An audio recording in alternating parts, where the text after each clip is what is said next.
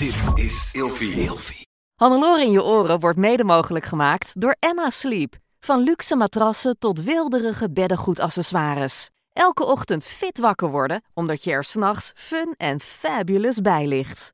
Krijg nu korting oplopend tot 50% en met nog eens 10% extra korting wanneer je mijn persoonlijke code gebruikt. Dat is Hannelore in hoofdletters gespeld.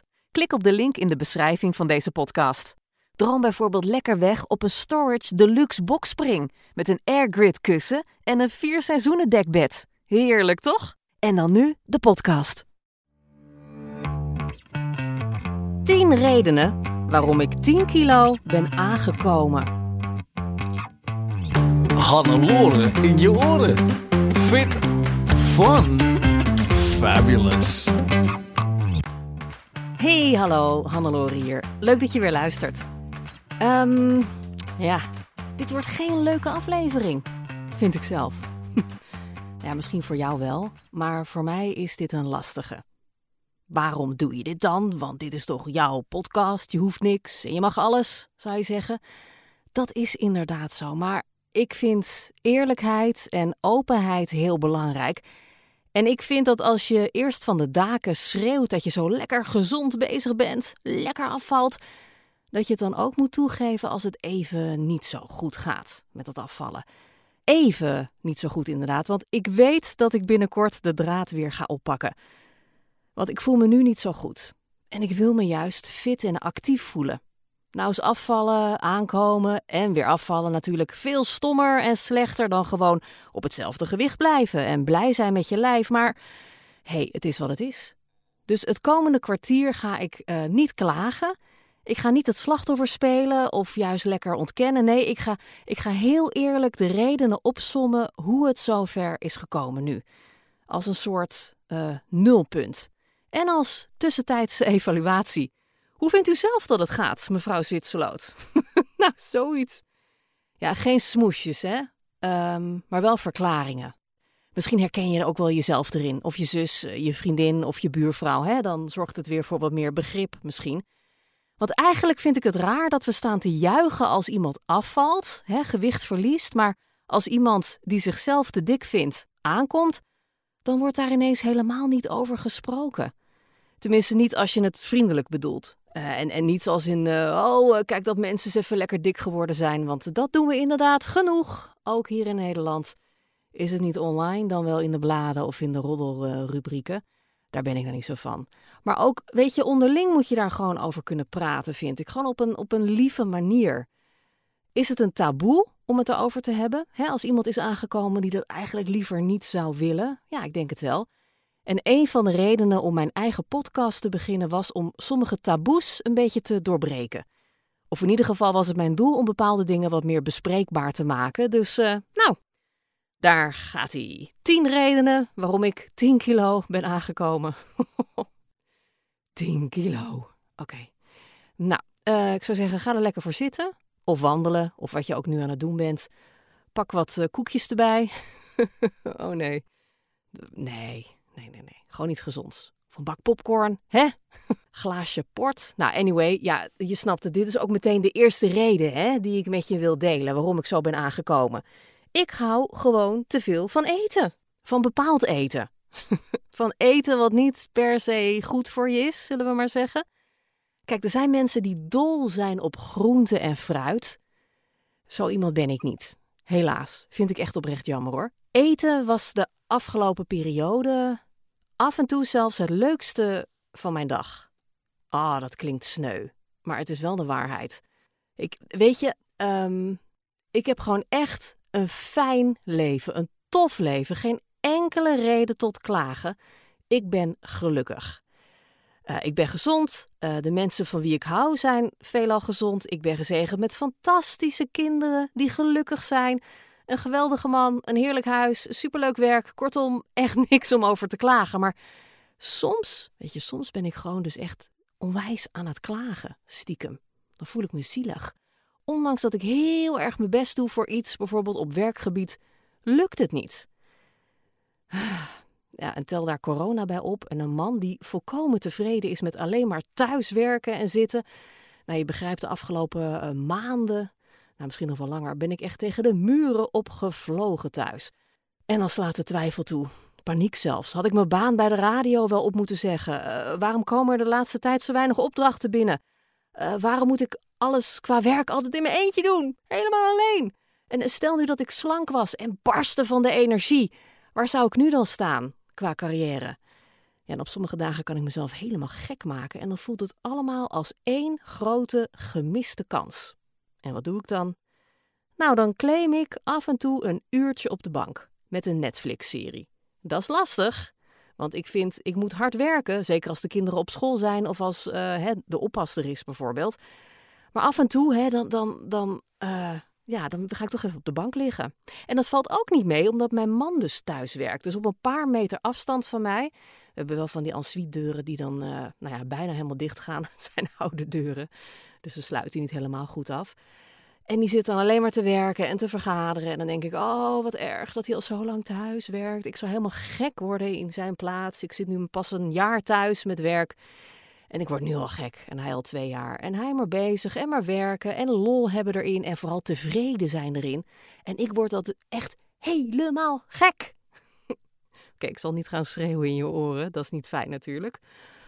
Maar goed, af en toe lukte me dan om um, even een, een uurtje vrije tijd te claimen. Snap je? Dan kondig ik echt aan dat ik op de bank ga liggen om te relaxen. Dat is af en toe ook belangrijk. Ja, en dan uh, lukt het dus niet om te, om te relaxen zonder dat ik iets eet. Daar moet dus iets bij. Snoep. Ja, want sla en komkommer, dat werkt niet. En dan ben ik dus een uur lang aan het snoepen. Koekjes, een bak ijs of mijn huidige verslaving, paaseitjes. Ja, elk seizoen komt met zijn eigen uitdagingen voor uh, mensen zoals uh, ik en jij misschien wel.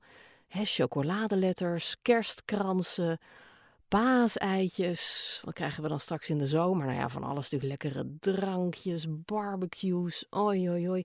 Altijd weer chocola, ijs natuurlijk in de zomer. Hè? Heel veel ijs.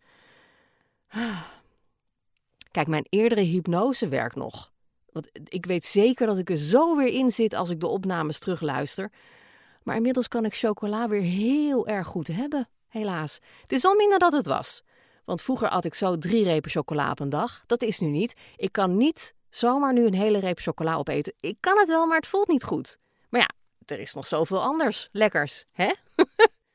Zoals die koekjes. Ik heb vanmorgen nog vijf koekjes op. Oh, van die, van die kokosbiscuitjes, ken je die? Ja. ja. Dus ik hou dus te veel van slecht eten. En door die coronaperiode vloog ik af en toe tegen de muren op. Net zoals heel veel andere thuiswerkende mensen of mensen die echt zwaar gedupeerd zijn natuurlijk. En ik blijk onder grote stress alleen te kunnen relaxen als ik mezelf verwen. En dat zeg ik dan tussen aanhalingstekens. Want theoretisch gezien verwen je je, lijf natuurlijk meer met uh, gezond eten. Hè? Ja, dat is wel goed voor je. En al dat, dat, snoep en al dat, dat vet en uh, al die zouten en die suikers natuurlijk niet. Uh, maar goed, ik heb dan dus stress. En die stress komt uh, voort uit frustratie. Want ik heb vaak het gevoel dat ik veel kansen mis. Door, nou ja, wat eigenlijk? Door mezelf. Omdat ik me dik voel en lelijk en oud. Meestal niet hoor. Want ik ben echt wel aan de slag gegaan met het idee van zelfliefde. Vroeger was ik uh, veel onzekerder en ontevredener heus. Ik heb al enorme stappen gezet. Maar als ik stress heb, dan komt dat onzekere meisje van vroeger toch weer even om de hoek kijken. Dus qua zelfliefde ben ik er nog niet helemaal. En op de momenten dat ik zo baal van mezelf, dan lijkt snoepen ja, de enige verdoving. En dat terwijl het de laatste anderhalf jaar nou juist zo goed ging. Want ik had de oplossing gevonden voor mijn negatieve buien en mijn af en toe nog iets te uh, negatieve zelfbeeld. Sporten. En juist dat lukte de afgelopen maanden dus niet meer. En dat is dus meteen de volgende reden. Ja, de sporten was echt uh, mijn nieuwe oplossing. En, dit is volgens mij ook meteen de belangrijkste reden dat ik zo ben aangekomen de laatste paar maanden. Ik mis het sporten. Nou ja, oké, niet het sporten op zich. dat blijft een dingetje. Maar je moet het wel doen. En het is gedoe. En als het leuk was, dan had ik dat al jarenlang als hobby gehad. Maar ik mis vooral de effecten ervan dat, dat blije, actieve gevoel achteraf. En, en wat dan de dag daarna nog nazoomt in je lijf. Ken je dat? En heb ik het niet over spierpijn, dat ook. Maar nou weet je, zelfs spierpijn is fijn. Want dan heb je het idee dat je, dat je Dan heb je het idee dat je, dat je iets gedaan hebt. Ken je dat? Dat tevreden gevoel, trotse gevoel bijna. Maar ik mis het sporten. Sporten hielp mij voorheen echt. Uh, op het moment dat ik zo'n zo'n bui had, dat ik dacht: uh, alles is kut, ik ben lelijk, ik ben stom. Weet je, dan ging ik lekker een stukje rennen. Ging ik lekker een stukje rennen. Dat is ook een zin die ik had ik jaren geleden niet verwacht uit te spreken. Maar goed, ik ging dus lekker een stukje rennen dan. En dan, weet je, de eerste twee kilometer, drie kilometer zelfs, baalde ik als een stekker. En voelde ik me compleet belachelijk. Zo rondhopsend in mijn, in mijn legging en met mijn rode hoofd. Maar daarna voel je je toch zo fijn. Dan komen er allemaal stofjes vrij in je hersenen. Oh man, wat een uitvinding. Dat was echt mijn, mijn remedie. Maar ja, een jaar geleden, ik was aan het trainen voor een kwart triathlon. Ik had de achtste, de 1 achtste triathlon had ik uh, volbracht. En ik dacht, uh, ik, ga, ik ga door. Loor gaat door. en uh, ik ga trainen voor een kwart triathlon. Ja, dat ging hem dus gewoon niet worden. Ik kon inmiddels toen al 10 kilometer achter elkaar rennen op mijn eigen tempo. Nooit gedacht dat dat in me zat, maar ik kon het. En ik was toen een keer uit met mijn hond Olly. En Olly zag een vogel. En ik niet. en Olly trok kaart aan de lijn. En die hond is, pff, nou wat is hij? Ik geloof 25 kilo of zo. Dus die trok mij bijna omver, omdat hij in één keer zo rang, boem, achter die, achter die vogel aan wilde. En ik, ik voelde echt in mijn knie zo. Nou, en dat was dus mijn meniscus. Op dat moment dacht ik wel, oh, dat is niet goed. En het deed pijn. Maar weet je, het ging wel even rustig aan en, en door. Nou, dat, dat lukte dus helemaal niet. Ik ben nog wel een tijdje doorgegaan. Toen kreeg ik uiteindelijk ook last van uh, mijn rechterhiel. Nou, wat bleek? Ik door de scanner uh, vet gescheurde meniscus. Maar echt op zo'n manier dat ze zo'n groot deel weg moeten halen dat het een beetje twijfelachtig is of dat wel een goed idee is. Omdat ik ook een verminderd kraakbeen heb. En dan blijft er gewoon uh, verrassend weinig uh, verend materiaal over in je knie. Dus dan kun je de 10 kilometer rennen sowieso op je buik schrijven, blijkbaar. Um, en die hielspoor, want ik had dus niet alleen last van een beurzenhiel, maar ik had gewoon hielspoor. Ja, dat had ik dus aan de andere kant, omdat ik natuurlijk uh, rechts veel zwaarder belastte, omdat links steeds zo'n zeer deed. Toestand. Nou, wat heb ik gedaan? Um, opereren was dus ja, niet aan te raden, ook vanwege dat verminderde kraakbeen. En ik ben toen heel veel gaan trainen. Mijn knieën ben ik toen gaan trainen op aanraden van een fysiotherapeut. En uh, ja, dat, dat, ging wel goed eigenlijk. En op dat moment kwam de aanvraag binnen of ik mee wilde doen aan een uh, heel tof programma. Waarin je werd uh, getraind om mee te doen met de Special Forces. Programma heb je misschien inmiddels wel gezien op Videoland. Special Forces VIPs. Ja, en dat ging goed, dat trainen. De knie was oké. Ik had nu wel um, ja, last natuurlijk nog steeds van die hielspoor. Maar ik had echt enorm getraind om daar zo fit en zo sterk mogelijk uh, voor de dag te komen. Nou, en ik weet niet of je de beelden hebt gezien. Uh, het ging niet zo heel goed, mijn deelname. Opdracht 1 was spring uit een helikopter in het water. En ik ben toen een soort van beetje schuin in het water beland. Ja, echt een beetje, maar de, de gevolgen waren enorm. Want ik was dus echt bont en blauw aan de achterkant. Zeg maar billen en, bovenbenen aan de achterkant. Echt zo blauw dat het bijna zwart was. Het deed enorm veel zeer. Toen heb ik toch de hele dag nog uh, volgehouden. Uh, puur op wilskracht. En dankzij alle andere lieve kandidaten die mij er letterlijk doorheen hebben gesleept. En uh, eenmaal thuis, nou, ik kon niet zitten, kon niet liggen, ehm, toestand, enorm veel pijn. Maar ik had dus ook heel erg last gekregen van mijn rechterknie. Dus toen de blauwe plekken na een paar weken eenmaal waren weggetrokken en ik weer een beetje mobiel werd, had ik nog steeds zo last van die rechterknie. En daar bleek ik dus een uh, uitgerekte band te hebben. Niet gescheurd, maar uitgerekt. En toen, uh, ja, toen lag ik dus een paar weken op de bank. En ik kon niet sporten. Sterker nog, dat werden een paar maanden. En vanaf dat moment mocht ik weer een beetje gaan opbouwen. Maar ik baalde zo in die periode. Ik baalde zo dat ik, dat ik niks kon. Ik miste het sporten. Echt uh, fysiek en mentaal miste ik dat effect. Maar ik baalde ook zo dat ik dat ik al binnen één dag had moeten afhaken bij Special Forces. Ik was zo teleurgesteld um, in mezelf, in de situatie. Ja, ik baalde gewoon enorm. En oké, ik heb een hele waardevolle les geleerd bij Special Forces. Ik hoef mezelf niet te bewijzen voor anderen. En ik geef mijn kinderen vooral het goede voorbeeld door uh, nog meer van mezelf te gaan houden. Daar ben ik heel erg dankbaar voor, voor die les. Maar hé, hey, ik had echt wel een paar dagen langer in het programma willen blijven. Gezien die maandenlange voorbereiding. Ja, dus daar lag ik dan op de bank. Nou, uiteindelijk kon ik toch alweer een beetje fietsen. Ik ben uh, een paar keer naar de sportschool geweest. Toen kwam er weer een lockdown. Kreeg ik weer een pijntje hier, pijntje daar. Nou ja, en toen deed ik mee aan de Alleskunner Vips. Ik dacht, nou, wat kan mij hier gebeuren? Ik ga gewoon een beetje een leuk spelletje spelen, niks aan de hand. En dat was ook inderdaad precies wat het was. Maar, uh, ja, er ging toch iets, uh, iets mis. Ik heb toch een bepaalde uh, misstap begaan daar. Letterlijk misstap hoor. Er is niet iets heel ergs gebeurd. Ik ben niet vreemd gegaan of zo. Nee, ik heb gewoon echt een soort verkeerde beweging gemaakt. En denk ik, want ik, ik had dat zelf dus niet door. Maar ik, um, ik zat in de auto op de terugweg. En mijn uh, linkerknie, dus die knie met die gescheurde meniscus, die begon zo erg te branden. Ik, ik kon bijna geen auto meer rijden. Ik kon gewoon mijn knie niet, niet, niet buigen. Echt enorm veel pijn. Dus ik heb een week aan de pijnstillers gezeten thuis. Ik kon helemaal niks. Ik kon serieus, ik overdrijf nu niet, niet langer dan één minuut in dezelfde houding zitten. Ik moest constant mijn been uh, strekken zoveel mogelijk. Dan ging het wel. Maar ja, dan kreeg ik weer last van die oude knieklachten. En van mijn hielspoor natuurlijk.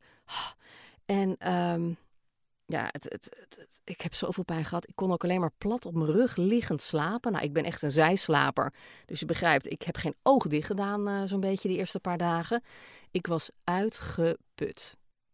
Ja, en toen, liggend op de bank, was ik er gewoon echt klaar mee. Ik had geen doel meer. En hey, dat is dus ook meteen een belangrijke reden hè, waarom het nu zo uit de hand is gelopen qua kilo's. Ik heb gewoon een doel nodig. Een doel om naartoe te trainen. Een reden om extra mijn best te doen. En dat kan ik dus niet uit mezelf halen. Die zelfkennis heb ik inmiddels wel. Nee, ik um, moet mijn motivatie van buiten afhalen. Dat heet extrin, extrinsieke motivatie volgens mij. Maar ja, goed. Uh, wat nu? Want wat kan ik nog doen met die stomme knie? Ik ben ook heel erg geschrokken hoor, deze keer moet ik zeggen. Want ik, echt zoiets kleins, hè, een kleine verstapping, waarschijnlijk, die ik dus op dat moment zelf niet eens heb opgemerkt, kan dus zorgen blijkbaar voor wekenlange pijn. Hele erge pijn. Niet kunnen slapen, niet kunnen zitten in dezelfde houding langer dan één minuut. Nou, ik, vond het echt een bizarre ervaring. De fysiotherapeut wist het ook niet en die zei van ja, ga maar weer naar, uh, naar de specialist, want uh, ik, ik weet het ook niet meer. Nou goed, Vermoeidheid en pijn zijn dus ook een belangrijke reden dat ik zo ben aangekomen. Want ik voel mezelf gewoon heel erg zielig. En eigenlijk vind ik dat nog steeds. maar ik ben echt zo klaar met die hele slachtofferrol. Dus nogmaals, ik wil het allemaal niet goed praten hè, of, of medelijden wekken. Maar ik leg gewoon uit wat er zich de afgelopen periode heeft afgespeeld. Voor iedereen die in dezelfde valkuilen dreigt te stappen. Ja, en nu zou je denken, kom op Loor, doe er wat aan. Grijp jezelf bij de kladden en bij de lurven. Nou, inderdaad, check. Ik ben dus inderdaad naar die specialist gegaan. Ik heb uitgelegd wat er is gebeurd. En die zei, oké, dan gaan we opereren. En daar ben ik blij mee. Want echt, trust me, ik, ik, ik leef nu als een bejaarde. Oh, dat klinkt helemaal niet leuk voor de bejaarde medemens. maar ja, het is gewoon zo. Ik kan weinig lopen. Ik heb nog steeds veel pijn. Ik durf ook niet zoveel meer te doen. Ben echt bang voor elke misstap. En dat ik dan ja, weer wekenlang pijn heb. Ik moet er niet aan denken. Dus ik ben echt gewoon heel voorzichtig. Maar ja, operatie. Uh, ik werd dus gebeld door de anesthesist. Dat is degene die gaat over eh, de narcose die je krijgt. Of de ruggenprik. Daar ben ik nog niet helemaal over uit wat dat wordt. En ik moest daar dus voor op de weegschaal gaan staan. Nou, je weet, de weegschaal en ik, wij zijn geen vrienden. Nee, want die weegschaal heeft altijd slecht nieuws voor mij. Serieus. Echt een klein trauma is dat. Dus oké, nou, ik had dus die vrouw aan de lijn en ik heb ter plekke mijn, mijn weegschaal uit de krochten van ons huis vandaan weten te vissen. Batterijen erin, stoflaag eraf. En daar ging ik. En ik had al gezegd van nou, volgens mij ben ik wel aangekomen. Wel uh, zoveel en zoveel kilo weeg ik nu. En ik ga erop staan en ik ben gewoon nog 10 kilo zwaarder dan ik dacht. Nou, ik kreeg echt een wegtrekker. Dus eigenlijk zou deze podcast moeten heten waarom ik 15 kilo ben aangekomen. maar het gaat om die 10 kilo, hè? Die 10 kilo waar ik me niet zozeer van bewust was. Die er dus gewoon, die er dus gewoon aan zit. Ineens, plotseling. Nou, ik, echt, ik werd helemaal niet goed. En het erge was ook dat die anesthesist zei: uh, Gezien je gewicht zou ik niet voor algehele narcose gaan, maar voor een ruggenprik. Dat is veiliger. Oh, dat is erg, hè? Dan voel je je echt dik. Dan ben je gewoon medisch ongezond dik. Oh my god. Nou had ik het dus niet zo snel in de gaten dat ik zoveel was aangekomen. Want ja, ik ging echt niet liegen tegen, tegen die anesthesist. Dat is gewoon dom. Ik was me gewoon oprecht niet bewust van die extra 10 kilo. Ja, hoe dan? Vraag je af. Dat merk je toch? Nou, ik dus niet. En dat is dus ook een belangrijke reden hè, waarom ik dus zo ben aangekomen. Vrijwel al mijn kleding is gemaakt van stretch. Zit heerlijk tijdens werk en ligt het op de bank. Het zit gewoon altijd goed. Maar het is dus een stuk minder alarmerend dan dat je je lieveling spijkerbroek ineens niet meer dicht gaat. Oké, ik merkte het wel een beetje aan mijn lijf hoor. Ik kreeg weer een beetje kwapjes. Uh, zeg maar de achterkant van mijn rug. Tussen mijn schouderbladen en mijn onderrug zat een gebied zo net onder je BH-bandje. Ken je dat, dat plekje? Love handles heette dat zo? Nou, ik weet het niet. En ook mijn BH's passen niet meer zo goed. Oké, je hoopt natuurlijk hè, dat als je aankomt dat alleen je borsten voller worden. Want please, kan vet ook daar gaan zitten. Um, En dat je dan voor de rest lekker slank blijft. Oh, dat lijkt me een goed plan. Maar het is dus blijkbaar altijd een package deal. Hè? Niet alleen je borsten die eh, worden groter als je aankomt. Nee, overal. Overigens is het, is het vet bij mij altijd wel redelijk gelijk verdeeld over mijn lijf. Dat is nog een reden dat ik een paar kilo extra, ehm, of meer of minder zelfs, dat ik dat nauwelijks weer, uh, merk. Ik zie het ook niet meteen ergens aan. Het verdeelt zich gewoon over mijn hele lijf. Maar sinds ik dus weet dat ik zoveel ben aangekomen, voelt mijn kleding toch ineens strakker. Ja, wat is dat? Hoe kan dat? Vraag je je af. Ja, het is gewoon zo. Zelfs mijn jas, die ik een paar maanden geleden nog eh, heb gekocht en die aan de bovenkant prima zat, begint nu toch echt wel opvallend krap te worden bij mijn bovenlijf. Verder is hij vanaf mijn taille gelukkig uh, erg wijd. Loopt hij gewoon uh, wijd uit. Prachtige jas is er trouwens, super blij mee. Dus ik moet gewoon iets minder diep ademhalen. Dan is er niks aan de hand. Nee, maar de, die jas wordt gewoon echt te, te, strak. Mijn borsten passen er bijna niet meer in. Nou, dat, dat vind ik echt vervelend. En dat had ik een beetje ontkend. Maar dat is dus gewoon zo. Ja, en het is nu zelfs zo erg, hè, qua bewustwording dat ik echt weer te dik ben, dat ik zodra ik in de spiegel kijk, eigenlijk alleen nog maar die onderkin zie. Zo, zo'n kwapje wat er hangt. En als ik dan zo doe, zo... je dat? Dan heb ik echt drie dubbele onderkin. Dus het is verschrikkelijk. Ja, en nu, nu denk ik, fuck it. Ik ben toch dik. Laat maar. Ik ga gewoon snoepen, want het heeft toch geen zin meer. Ik ben dik. En weet je, hoe makkelijk zou het zijn als ik dat gewoon zou accepteren? Body positivity, yay! Maar dat voelt dus gewoon niet goed. Ik weet dat ik een leuker en gezonder mens ben als die 10 kilo, minstens, er weer af is. En ik denk dat ik helemaal fit en fabulous word als er 20 kilo af is. Oh, oh, wat zou dat heerlijk zijn. En weet je, ik heb er gewoon echt het volste vertrouwen in dat ik de weg terug weer kan vinden. Dat ik die negatieve spiraal kan doorbreken. En dat ik snel weer mijn nieuwe gezonde gewoontes kan aannemen, omdat het eerder ook zo goed is bevallen. Maar ik heb daarvoor dus iets nodig. Ja, allereerst natuurlijk de operatie. Die is komende dinsdag, zeg ik uit mijn hoofd. Dus dat is al over een paar dagen als deze podcast uh, online staat. Ja, en daarna ga ik toch echt wel weer sporten. En meer groente eten, minder snoepen natuurlijk. Wie weet stop ik wel helemaal met snoepen, dat moet ik nog even uitvogelen. Maar ik ga nooit meer op dieet. Dat heb ik in een eerdere podcast ook al gezegd. Maar ik ga nu echt op zoek naar een gezondere manier van eten die goed bij mij past en die ik makkelijk kan volhouden. Bovendien denk ik, weet ik dat de eerste kilo's er ook wel weer snel vanaf zullen zijn. Want weet je wat ik nu heb?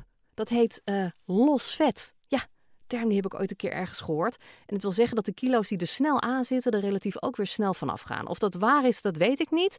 Maar ik ga het nu testen. Dat is overigens wel oneerlijk, hè? Echt, ik ben iemand, ik kan in één week vijf kilo eraan eten. Geen enkel probleem. Ik heb dat ook een keer gedaan op vakantie. Toen heb ik echt het hele toetjesbuffet van voor naar achter gegeten elke dag. Ik vond het zo lekker. Je moet mij echt niet in een all-inclusive uh, vakantieresort zetten. Dat gaat echt mis.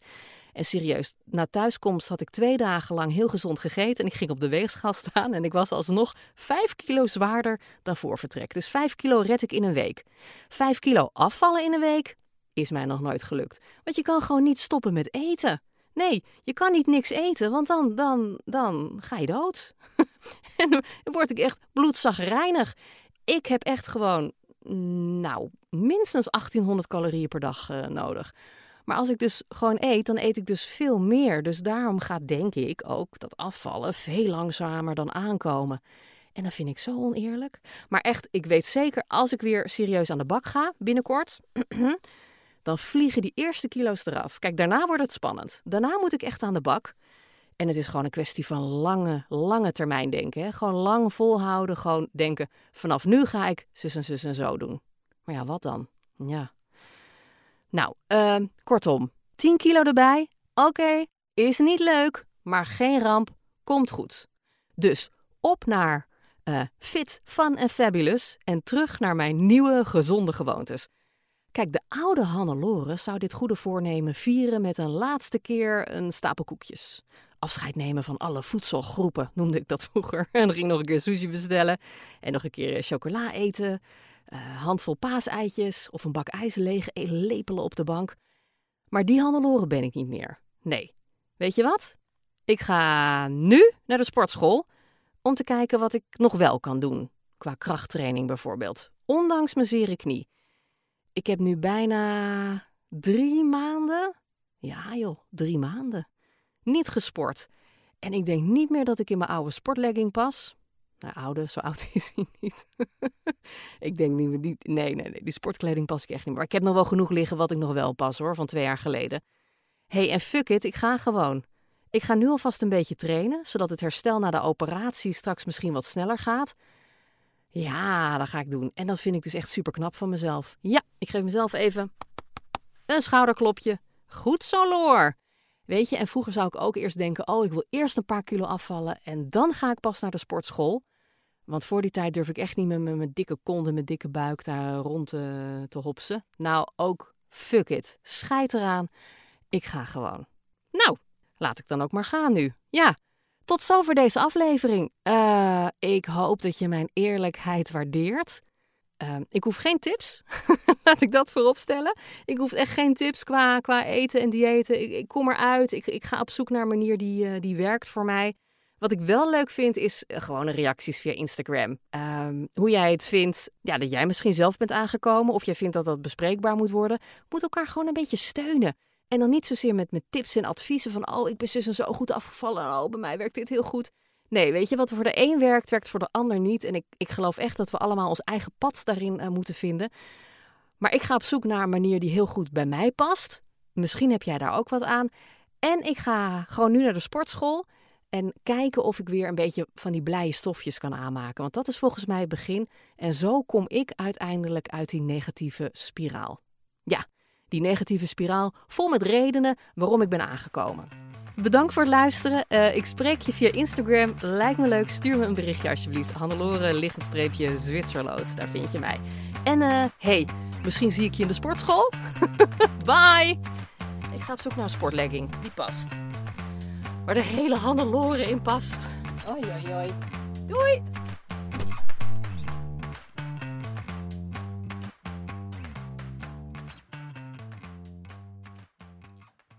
Hannelore in je oren wordt mede mogelijk gemaakt door Emma Sleep. Krijg nu korting oplopend tot 50% en met nog eens 10% extra korting wanneer je mijn persoonlijke code gebruikt. Dat is Hannelore in hoofdletters gespeld. Klik op de link in de beschrijving van deze podcast.